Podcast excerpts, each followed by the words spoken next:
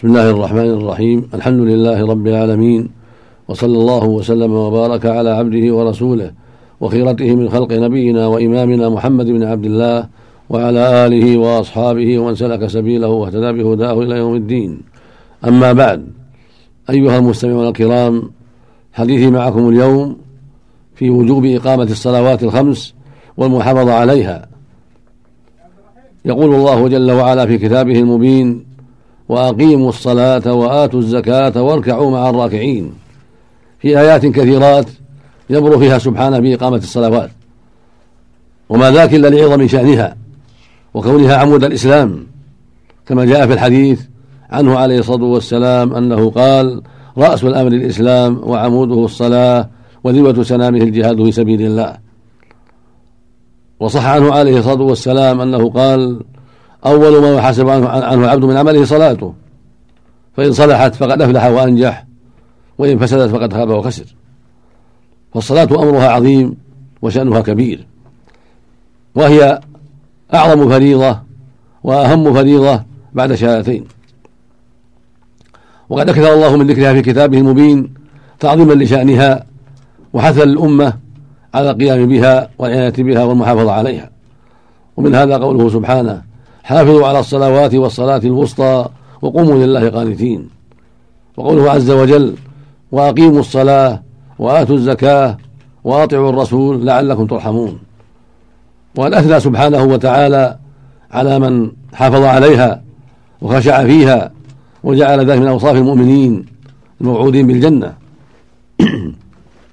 فقال سبحانه قد أفلح المؤمنون الذين هم في صلاتهم خاشعون. ثم ذكر صفات حميدة لأهل الإيمان ثم ختمها بقوله والذين هم على صلواتهم يحافظون أولئك هم الوارثون الذين يرثون الفردوس هم فيها خالدون.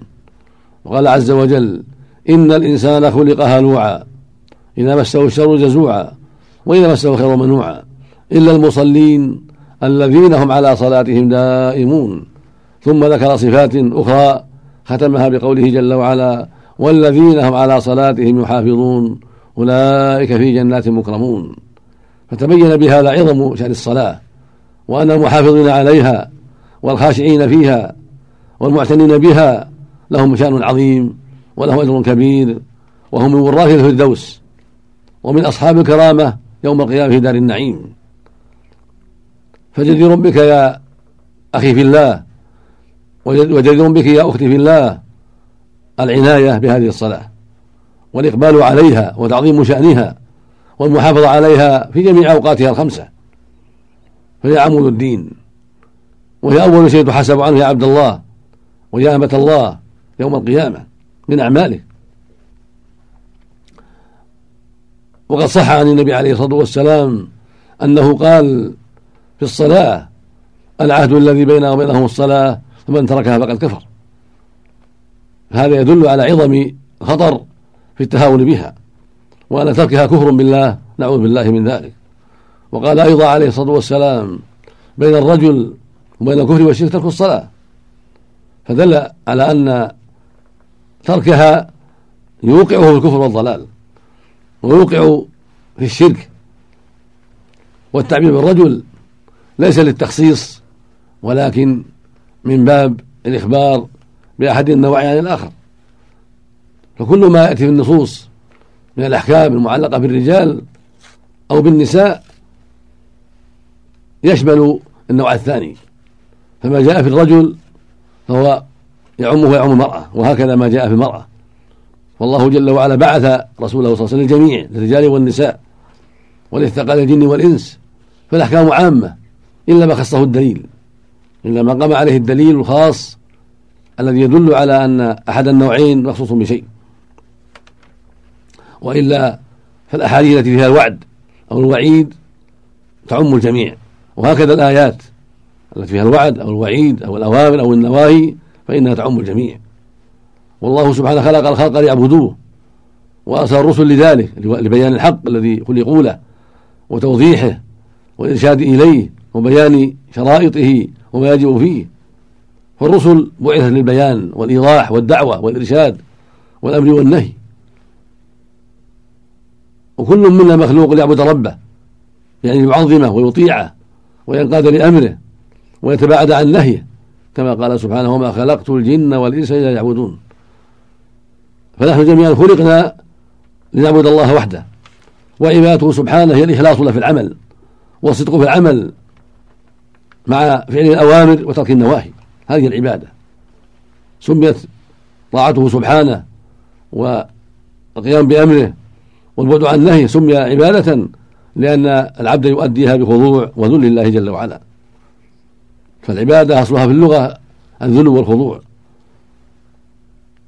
تقول العرب طريق معبد يعني مذلل قد وطئته الأقدام. ويقولون بعير معبد يعني مذلل قد رحل وشد عليه. فالعبادة هي طاعة الله ورسوله بالخضوع له سبحانه وتعالى والذل له والوقوف عند حدوده بفعل أوامره وترك نواهيه جل وعلا. ومن ذلك الصلاة فهي أعظم الواجبات وأهم الفرائض بعد الشهادتين. فالواجب على جميع المسلمين رجالا ونساء العناية بالصلاة وإقامتها كما شرع الله في أوقاتها الفجر والظهر والعصر والمغرب والعشاء كل فريضة تؤدى في وقتها. فالفجر ركعتان الفريضة تؤدى في وقتها. بعد طلوع الفجر وقبل الشمس. ولا يجوز تأخيرها إلى طلوع الشمس بل هذا من المنكر العظيم. بل من أعمال أهل النفاق. بل كفر وضلال عند جمع من أهل العلم كما دل عليه الحديث الشريف كما تقدم. ويستحب أن يصلي قبلها ركعتين. راتبة سنة.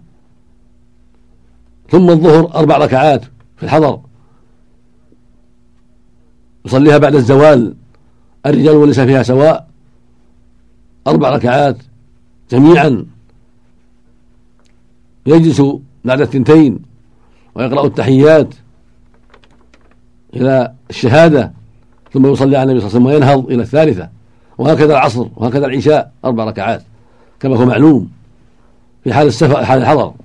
أما في حال السفر فإنه صلى ركعتين كما هو معلوم. والمغرب ثلاث في وقتها بعد غروب الشمس. يصلي ركعتين ثم يجلس يقرأ التحيات إلى الشهادة ثم يصلي على النبي صلى الله عليه وسلم ثم ينهض إلى الثالثة. وهذا أمر معلوم فالواجب على جميع المسلمين ذكورا وإناثا الاهتمام بهذا الأمر والعناية به والمحافظة على هذه الصلوات في أوقاتها طاعة لله وتعظيما له سبحانه ورجاء ثوابه وحذر عقابه عز وجل. وقد صح عنه عليه الصلاة والسلام ما يدل على أن المحافظة على هذه الصلاة الخمس في أوقاتها يمحو الله بها الخطايا ويكفر به السيئات. ويكفر بها السيئات. فمن حافظ على هذه الصلوات الخمس في أوقاتها وأدى حقها وأقامها كما شرع الله بالطمأنينة والخضوع وعدم العجلة وعدم النقر صارت كفارة لسيئاته وسبب لحط خطاياه. وشبه النبي صلى ذلك عليه الصلاة والسلام بنهر غمر يعني كثير. يغتسل منه الإنسان كل يوم خمس مرات. قال فهل يبقي لك من درانه شيئا؟ قال الصحابة لا يا رسول الله. قال هكذا الصلاة الخمس. يكفر الله بها الخطايا فأنت يا عبد الله على خير عظيم.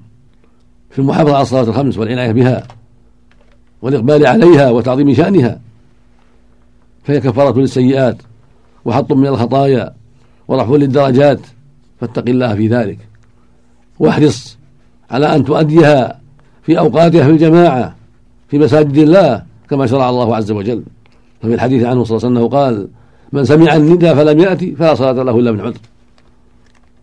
وقال عليه الصلاة والسلام لما سأله رجل أعمى قال يا رسول الله هل قال يا رسول الله إني رجل شاسع الدار ليس لي قائد لائمني فهل لي من رخصة أن أصلي في بيتي؟ قال هل تسمع النداء بالصلاة؟ قال نعم. قال فأجب. قوله فأجب معناه احضر الصلاة في المسجد. مع أنه أعمى بعيد الدار. ليس له قائد يلائمه. ثم يقول له النبي صلى الله عليه وسلم هل تسمع النداء بالصلاة؟ قال نعم. قال فأجب. وفي قال له لا أجد لك رخصة. لا أجد لك رخصة. فإذا كان الأعمى البعيد الدار ليس له قائد لائمه ليس له رخصة. في ترك الجماعة فكيف بحال غيره. غيرهم ما بأولى في وجوبها عليه وأن ذلك لازم له أن يصلي مع, أن يصلي مع إخوانه في بيوت الله عز وجل. وصح عنه أيضا عليه الصلاة والسلام أنه قال من حفظ على الصلاة كانت له نورا وبرهانا ونجاة يوم القيامة. ومن لم يحافظ عليها بيكون له نور ولا برهان ولا نجاة. وكان يوم القيامة فرعون وهامان وقارون وأبي بن خلف.